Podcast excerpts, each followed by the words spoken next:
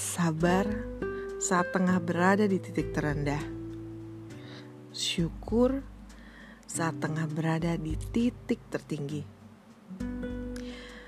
Keduanya sama saja, sama-sama yang paling tepat untuk dijalani. Gak ada alasan untuk buru-buru bangkit kalau lagi jatuh. Dan kalau lagi di puncak, kenapa masih saja membandingkan pencapaianmu dengan yang lain? Atau bahkan menghakimi dirimu sendiri karena merasa nggak pernah cukup. Bersabar dan bersyukurlah.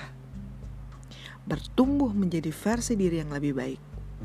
Tapi, tetaplah menerima dirimu sendiri yang saat ini sudah utuh. Hidupmu yang cukup dan sudah yang paling tepat kau jalani.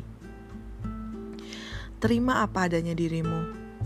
Cintai dirimu mendahulukan kepentingan diri sendiri itu nggak egois, melainkan tahu mana yang prioritas.